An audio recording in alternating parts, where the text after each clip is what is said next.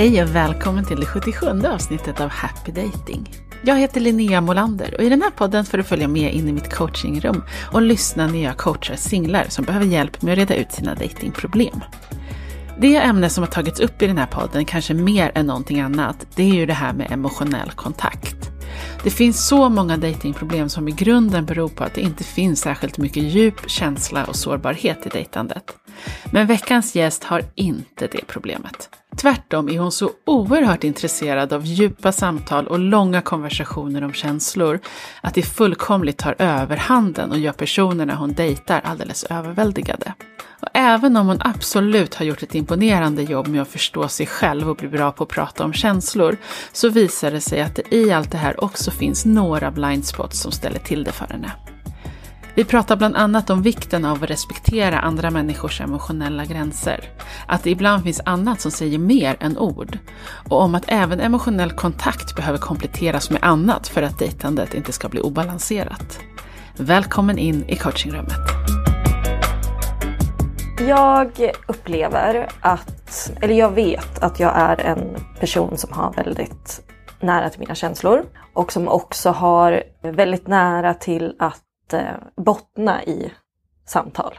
Det känns så långt inne i min kropp och i mitt hjärta att jag är så redo. Vilket gör också att jag kastar ut mitt hjärta. Det är liksom gränsen, liksom avståndet mellan att prata ytligt och att prata djupt är liksom, det är inte långt.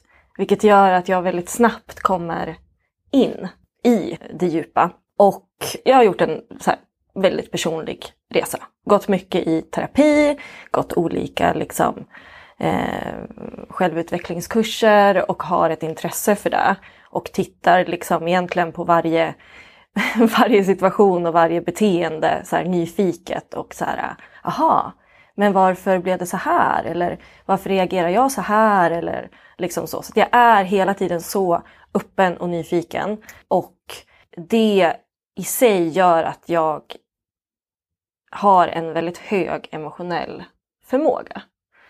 Eh, det har jag liksom alltid haft med mig men jag har börjat reflektera den senaste tiden i att jag vill ju att min resa, min egen resa ska vara en fördel i mitt dejtande och en fördel i en kommande relation. Ehm, men nu har jag börjat se det från ett annat perspektiv att min emotionella förmåga sätter krokben för mig själv.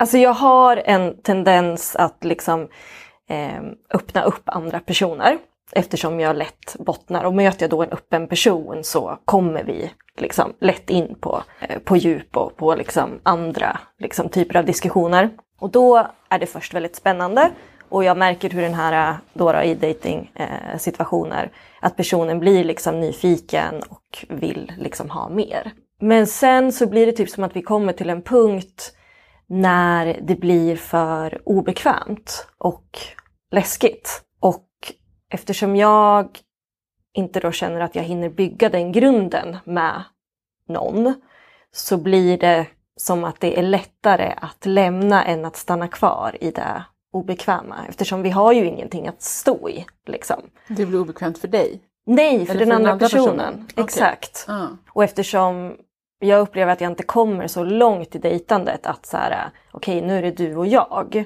Mm. Och då tänker jag att då kan det vara lättare att vara det obekväma. Liksom så. Eller då har, har, man ändå någonting att kämpa för eller vad man ska säga. Men eftersom det här blir så, händer så i början mm. så blir det då lättare för den andra personen att, att lämna än att mm. vara kvar. Mm. Så först gillar de att öppna sig tillsammans med dig men sen blir det för djupt vatten för dem. Och då går de. Exakt. Kan, kan du ge något exempel på hur de här samtalen brukar se ut och hur tidslinjen brukar se ut? Är det liksom, händer det här över en eftermiddag eller över tre månader? Eller? Um, att de öppnar upp sig och sen lämnar under en eftermiddag. ja, nej, nej, inte riktigt. Men öppna upp sig, det händer fort upplever jag. Mm. För att jag öppnar upp mig fort. Och det är ju den andra delen i det här. Det är ju att vart, hur är du sårbar utan att överdela av dig själv? För jag hamnar lätt där. Så här, jag kanske inte tänker så i stunden men efterhand att oj nu har jag delat mer än vad den här personen hade både förväntat sig, varit redo för, förtjänat. Mm. Liksom så. Yeah. Men eftersom jag, alltså jag, jag vill bara vara så autentisk som möjligt i alla mina möten och då, då blir det så. Mm. Helt enkelt. Men jag skulle säga att tidsspannet kan vara alltifrån liksom, några dejter till två månader.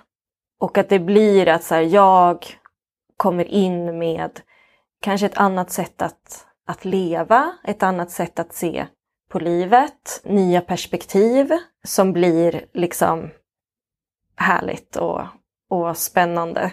Samtidigt som, eftersom jag också är så öppen, så tror jag också att det tar bort spänning. Alltså för att jag blir inte mystisk. Förstår du? Så att det tar bort spänningen lite. Men det blir ju spännande i det här. Aha, hon, hon tänker så här om det här och hon lever på det här sättet och gud vad härligt. Men eftersom jag är det jag är rent emotionellt och väldigt trygg i mina känslor så kräver, hamnar jag i att jag kräver det av den andra personen också. Och då blir det läskigt. För, för den. För den? Ja. Att, att vara de, kvar. de kan inte möta? Nej. För det, det du... Eller jag vet inte riktigt om jag förstår, men det låter som att ni båda öppnar er? Ja, till en början. Ja, men sen, mm. sen öppnar du mer än dem och då blir de rädda för mm. så djupt vill de inte gå? Precis. Okej. Okay. Kan du ge något exempel på var det? Så här, pratar vi barndomstrauman eller vad, när det blir läskigt för folk? Och hur djupt vill du gå liksom? Ja, jag går ju gärna till barndomstrauman.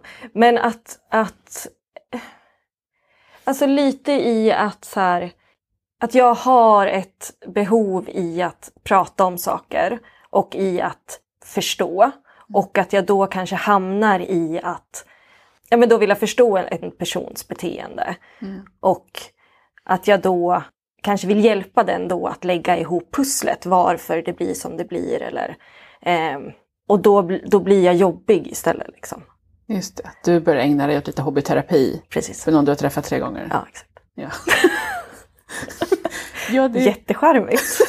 det kanske inte alltid är helt uppskattat. Nej. Nej. Och, och du inser ju själv när du säger det. Liksom. Ja. Vad tänker du? Nej men, alltså det kommer ju från en plats i mig som handlar om välvilja, nyfikenhet på andra personer, ja. öppenhet och en längtan liksom, mm. Mm. efter kärlek. Ja.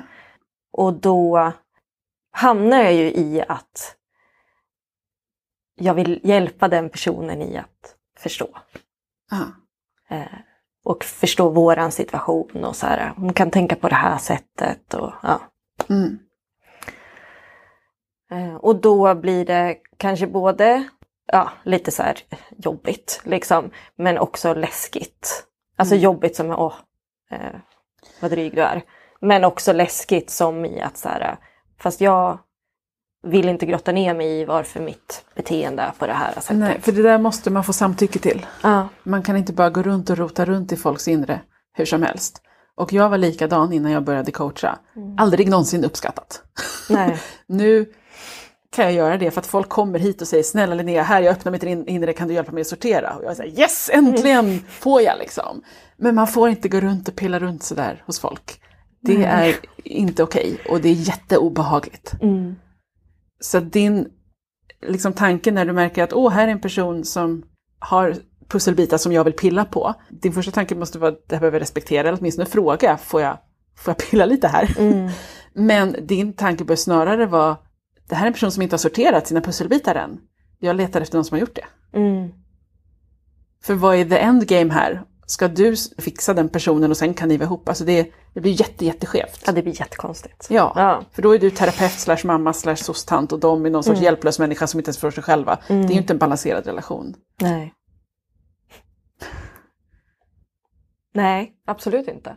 Men hur gör man då? då? För att det är liksom en av de här eh, självutvecklingskurserna som jag har gått så gjorde vi en, en övning som handlar om, om liksom att gränssätta. Mm. Och, jag, och det var liksom att fysiskt gränssätta. Eh, när, när, en person kom emot den och man fick säga stopp. Liksom. Men det som kom upp i den övningen var istället en insikt utifrån mig själv och hur jag respekterar andras gränser. Vilket var då att jag fick, jag kände som fruktansvärd skam. För jag kunde se hur jag genom åren inte har respekterat andra personers gränser. Och det är ju just det här som du säger, du ska inte gå in och pilla på någon som inte har sagt eller bjudit in till Mm. det. Och det skäms jag över. Och det, det, jag förstår inte då hur jag kan fortsätta göra på samma sätt när jag har, har den insikten om att jag har betett mig så.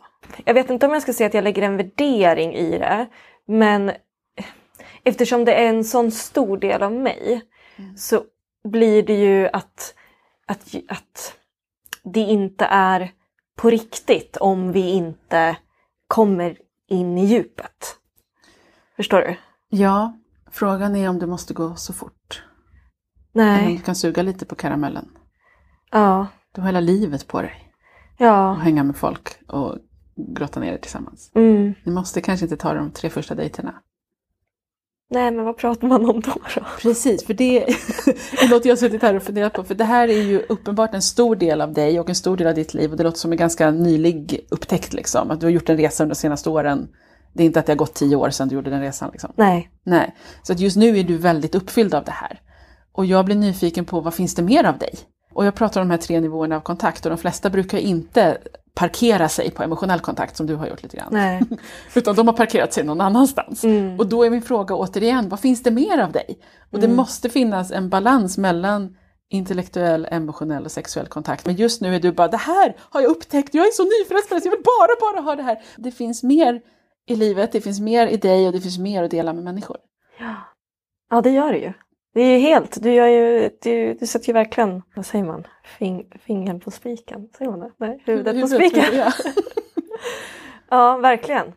Jag är ju, identifierar ju mig själv väldigt mycket med min djupa sida Mm. och min allvarsamma sida. Mm. Och den, men det har jag verkligen jobbat med. Att locka fram lekfullheten.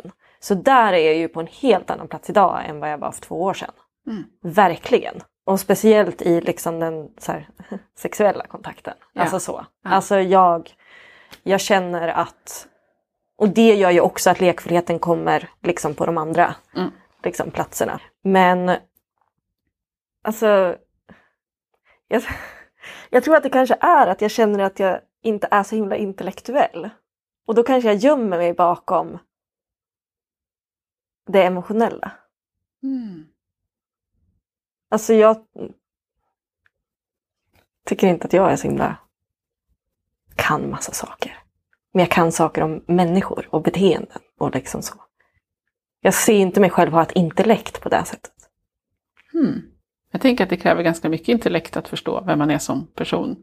Men det är intressant att du säger att du har liksom sorterat livets kategorier Mm, på det här sättet. mm. För att om du inte hade intellekt hade du inte kunnat göra de här djupanalyserna av vad det innebär att vara människa. Nej, det är sant. Så skulle vi kunna kalla det intressen, alltså det man liksom traditionellt förknippar med intellekt, är typ så här, prata politik och, och liksom logik och analys på, på det här fyrkantiga pappersviset. Mm.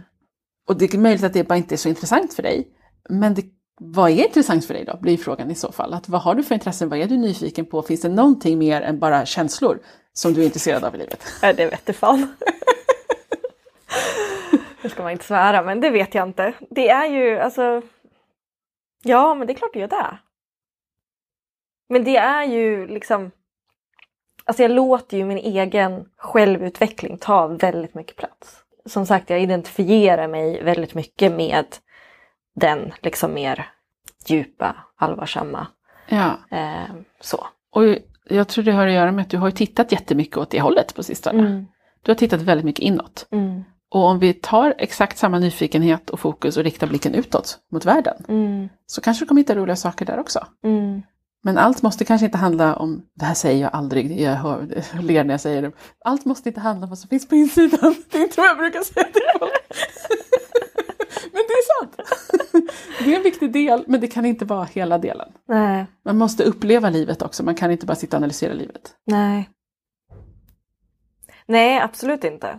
Och jag gör ju det. Jag upplever ju livet. Det, det, eller jag lever verkligen. Det, jag sitter inte bara och tittar inåt, men jag sitter och... Jag tittar mycket inåt. Du tittar mycket inåt, ja. ja. ja, och jag tycker att det är en sån Jag tycker att det är också så intressant med andra personer.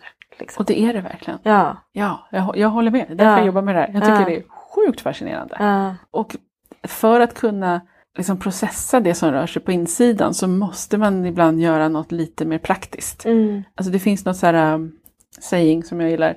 Before enlightenment, carry wood. After enlightenment, carry wood. Mm. Ibland måste man bära ved och ta en cykeltur Mm. och åka och bada. Mm. Mm. Man kan inte bara sitta och bli klok. Liksom. Nej. Det är ju helt sant. Ja. Mm. Och om vi plockar in lite mer praktiska element i din tillvaro så kommer du kunna prata om dem också. Men det är förståeligt att det här har ju varit en jättestor kärna i ditt liv så länge och du tycker det är superkul. Mm. Det blir bara lite enformigt. Ja. Ja, men jag har nog också fastnat i att ehm, det blir, jag förväntar mig av då i dejtingsituationer att, att få tillbaka ja, men just den här emotionella kontakten liksom på ett väldigt, ja, en ganska hög nivå. Så. Och så blir det typ som att jag lägger en värdering i om den personen, när den personen inte är där i att möta mig i det, att den personen vill göra något annat. Mm. Då blir det, då blir det för mig som att det är någonting negativt. Jag tänker att, gud vad bra. Ja, eller hur? här, du behöver det. Ja, För nu har vi, då har ni liksom ägnat en stund åt att göra det du tycker om. Och Ja. sen säger den andra personen, kom och kolla här borta på sakerna jag gillar. ja, Och då får du följa med dit och se hur det känns. ja. Men när man är i en, en situation då, alltså stå på den här platsen och liksom verkligen längta efter kärlek. Inte på ett desperat sätt, men ändå så verkligen längta och verkligen vara, ha så mycket kärlek att ge och vara så öppen för det. Liksom. Inte att eh, alltså, ta vem som helst, inte så, men att verkligen mötas på riktigt. Mm. ehm, och bli ett team med någon. Ja. Hur håller man... Jag tycker det är jättesvårt att lägga det då på en lekfull nivå. Att inte vara liksom tydlig och rak i att jag söker det här, jag vill det här. Har du samma intentioner? För redan där hamnar jag ju i ett överläge.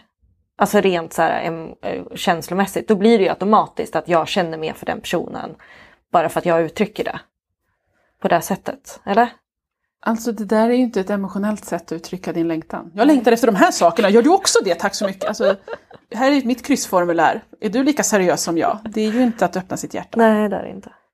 Så att om, om det, för då finns det liksom i båda ändarna, och det är ju det är bara små saker som ställer till det för dig. Att du, du inleder med att säga, jag är emotionellt överlägsen och har de här stora känslorna, är det här vad du längtar efter också? Tack så mycket, annars blir det inget. Gud vilken oskön typ. Åh Och, herregud. och nu överdriver jag jättemycket, det Ja. låter ju inte så. Liksom. Men, och i andra änden av det, så här, när personen bara okej, jag öppnar mig för dig och du bara aha, vad har du här då? Och börjar rota runt och vet du, jag kan förklara för dig hur det funkar, ska vi rota lite i din barndom? Det är inte heller emotionell intelligens, alltså du kommer med en känsla av överlägsenhet men du beter dig lite respektlöst liksom. Ja, det gör jag. Ja. Så att respekten vore ju, det vore mer respektfullt att låta den andra personen ha snurrigt i sin, sin pussellåda Ja. och bara okej, du har inte rätt ut det här än, det är okej. Jag tycker om dig ändå, det är Ja. respekt. Ni kanske inte passar ihop, eller så gör ni det, det är sekundärt liksom. Men du måste använda din emotionella intelligens för att ha empati med andra människor, inte för att ställa krav på andra människor. Mm. Exakt. Men det är en balans alltså. För att hur mycket liksom... inte empati ska man ha, absolut inte. Men alltså, hur ska man kunna vara i någonting utan att vilja att sak... Alltså, hur ska jag kunna tålamod? Det som kommer upp för mig är att bjuda in istället för att forcera. Ja. För när man längtar väldigt starkt och vill väldigt mycket så är det lätt att man liksom gör precis det du gör. Att man säger, men jag ska hjälpa dig, men här, det här vill jag, nu ska jag vara tydlig liksom. Istället för att landa i den emotionella kontakt du har med dig själv. För det, det blir lite nästan som att du, du tar din stora längtan och sen intellektualiserar du den. Att så här, jag har ett verktyg för dig, jag har ett system och här ska vi, nu ska jag vara tydlig liksom. Mm. Den emotionella världen är inte ett Excel-formulär. Utan så länge du är i kontakt med din känsla så blir det liksom, det är mycket mer inbjudande och tydligt om du går runt och känner dig full av kärlek. Jag längtar efter det här, det här är viktigt för mig, jag känner mitt hjärta. Åh, gud vad jag längtar efter att dela det här med någon. Mm. Det är en helt annan utstrålning än jag har gått 14 kurser och förstått de här grejerna. Är du också intresserad av en seriös relation? Gud vad jag skäms nu känner jag. Åh, vilken, vilken eh, otrolig bara Förlåt, jag är jobbig mot dig. oskön människa är här alltså. Nej, Så vet jag att jag inte är. Så att, du är men, absolut eh, inte oskön. Det, är- det är bara, men det, det blir, är jättebra att bli fejsad, verkligen. Man ser inte det här hos sig Nej. själv liksom. Nej.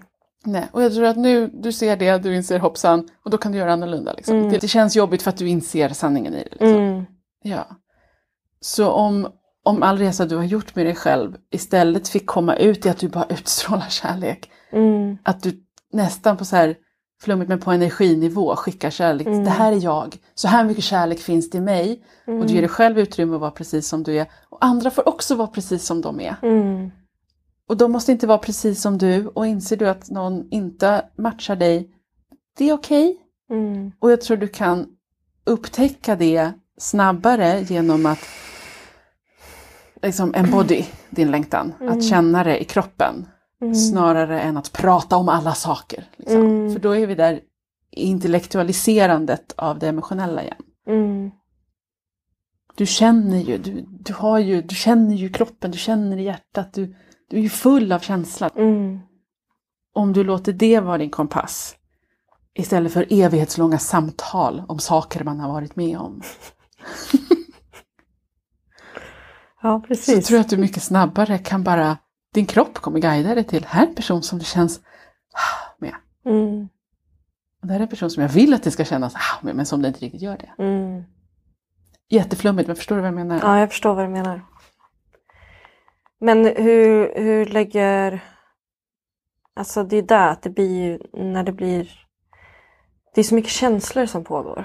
Så Ja. att det är ju också så svårt att bara vara i det liksom. För jag vet ju, alltså jag, jag jobbar ju med att, in, eller att släppa kontrollen och att inte forcera saker. För jag vet att ingenting blir bra när man forcerar. Mm. Liksom. Ehm, men när känslorna, alla känslor, både bra och dåliga, alltså liksom Mm. hela känsloregistret, har så lätt att bara angripa kroppen och huvudet och själen och allt. Så det är jättesvårt att, att vara i bara den där energin. Liksom. Och vad är det du är i då? Då får du vara i kaos, i ilska, i ledsamhet. Ja. Alltså, ha är ju inte den enda känslan. Det, jag tror det är. Det jag menar med ha är jag är i kontakt med hur jag känner just nu. ja. Ja. Otydligt förklarat bara. Men är du förbannad eller sorgsen eller liksom känn allt du känner. Mm. För det blir en skarv i dig om du går runt och säger jag är så himla emotionell men du vill inte känna dina egna känslor. Men du vill gärna prata om dem. Ja. För om du bara känner det du känner så Ja. kommer det kommunicera med människor också. Ja. Alltså om, om man kommer fram till en människa som är riktigt jävla ledsen, då känner man ju det. Mm. Utan att den förklarar att den är ledsen och varför den är ledsen och vad som hände i förrgår. Mm. Man bara känner, du är ledsen, jag sätter mig här och håller om dig. Mm. Om man känner in om någon är irriterad, Mm. de behöver inte förklara det liksom.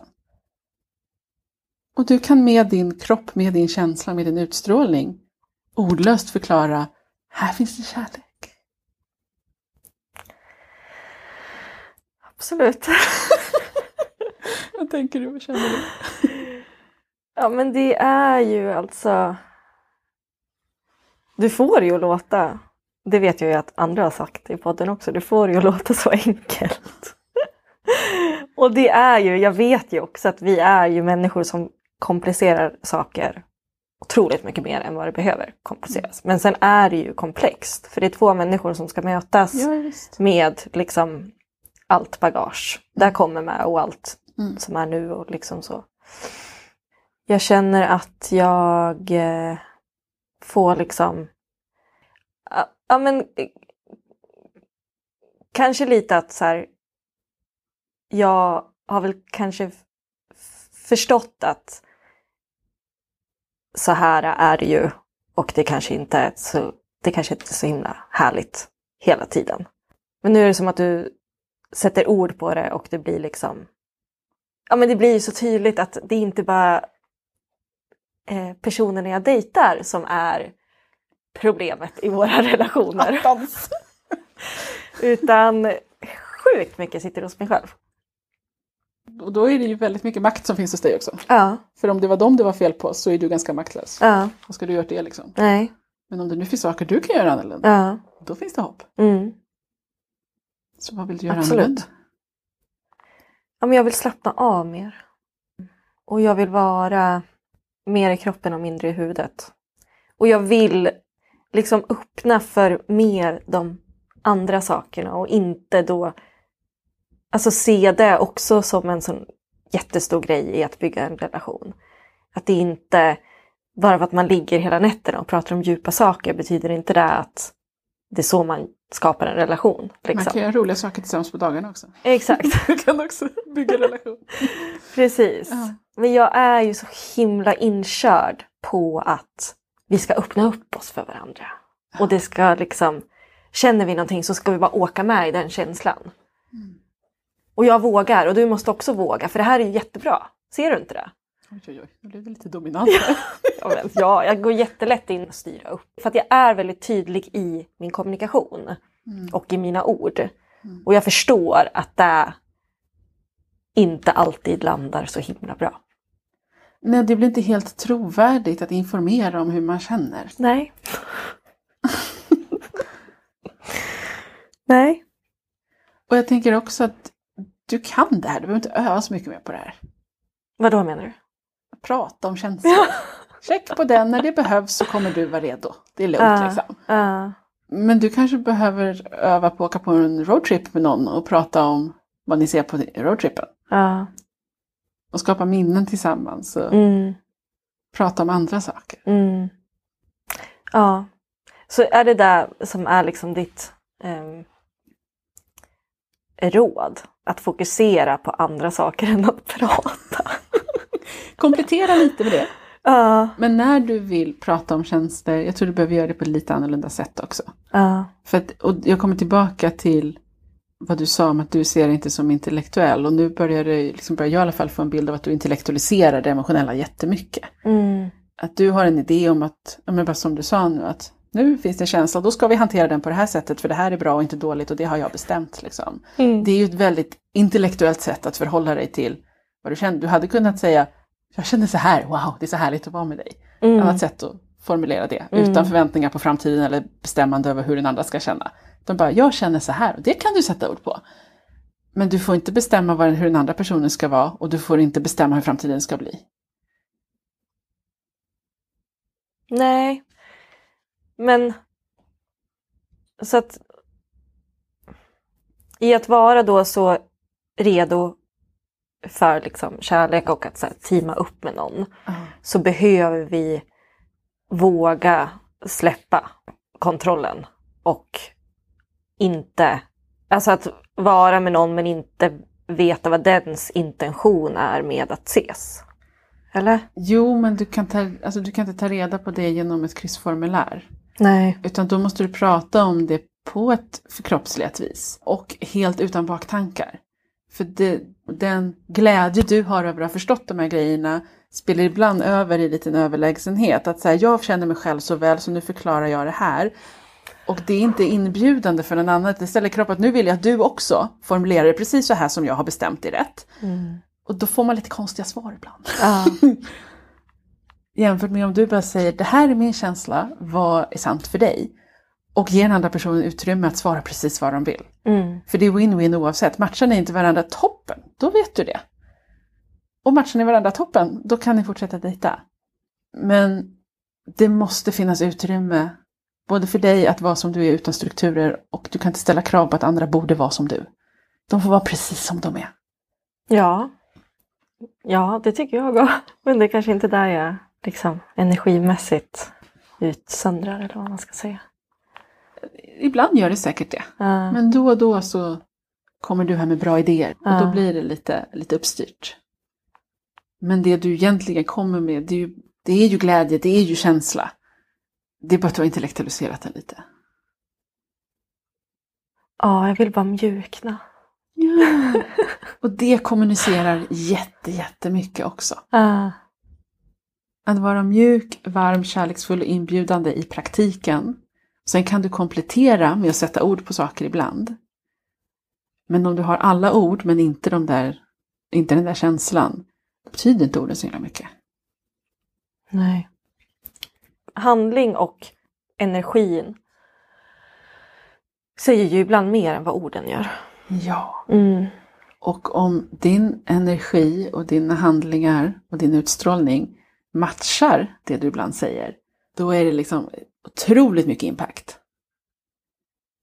Men du kan tona ner, liksom minska mängden ord och öka mängden energi och få mer kommunicerat. Och då behöver du inte prata hela natten och liksom prata, prata, prata, prata. För att ditt varande kommer säga mer än ord. Mm. Orden är bara komplement.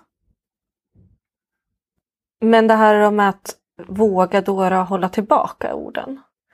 Skulle du säga att det är en, en bra grej och att istället då säga de orden till en kompis eller någon annan?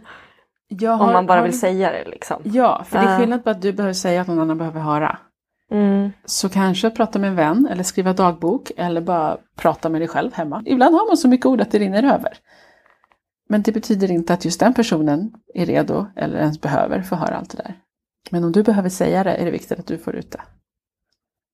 Mm, men jag kanske tror att, att jag behöver säga mer än vad jag egentligen behöver. Faktiskt. Så om du har pratat av dig eller skrivit av dig lite innan du går på dejten Mm. så kanske du kan fokusera på att bara vara närvarande och kärleksfull när du är Mm. där i praktiken. Känns som att hela du har mjuknat vad händer? Men gud, jag känner bara att alltså, den personen som du fejsar mig med, jag känner att hon är så mycket mer hårdare än vad jag är.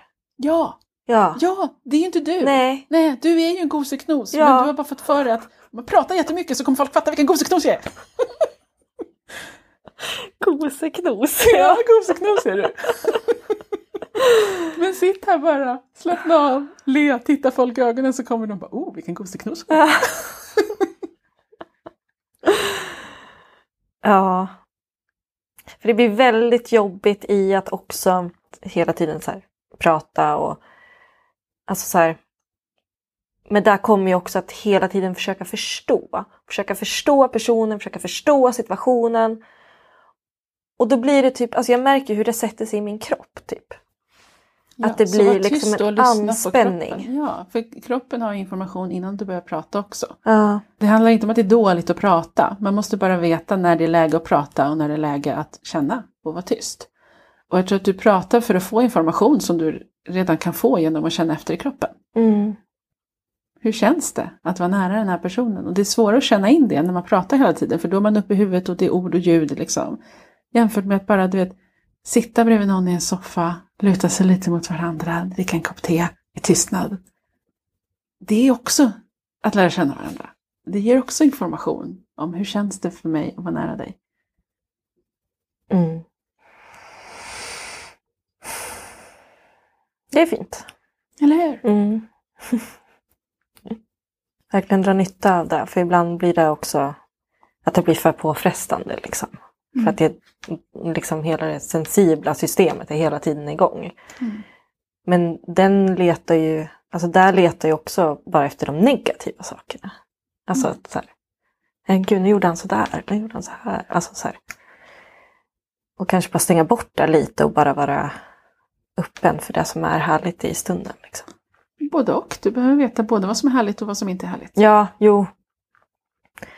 Men man kanske inte behöver haka upp sig på allt. Nej. och återigen är det en sida av dig som är rädd och försöker försvara sig och skydda sig som kommer fram. Som inte matchar den här, jag är öppen och redo för kärlek. Jag sitter här och letar fel. Mm. Det är något annat. Och jag tror att allt det här som, som du liksom rynkar på näsan och får bara kring. Det är gamla försvarsmekanismer, det är inte du liksom. Det finns nästan, det första du sa var bara jag är så redo för kärlek. Mm. Det är sant, men runt det finns det ett skal av bara tänk om jag blir sårad, tänk om det blir fel. Och då kommer det upp lite murar och det är snackighet och felsökande. De ska försöka skydda ditt, ditt mjuka hjärta. Mm.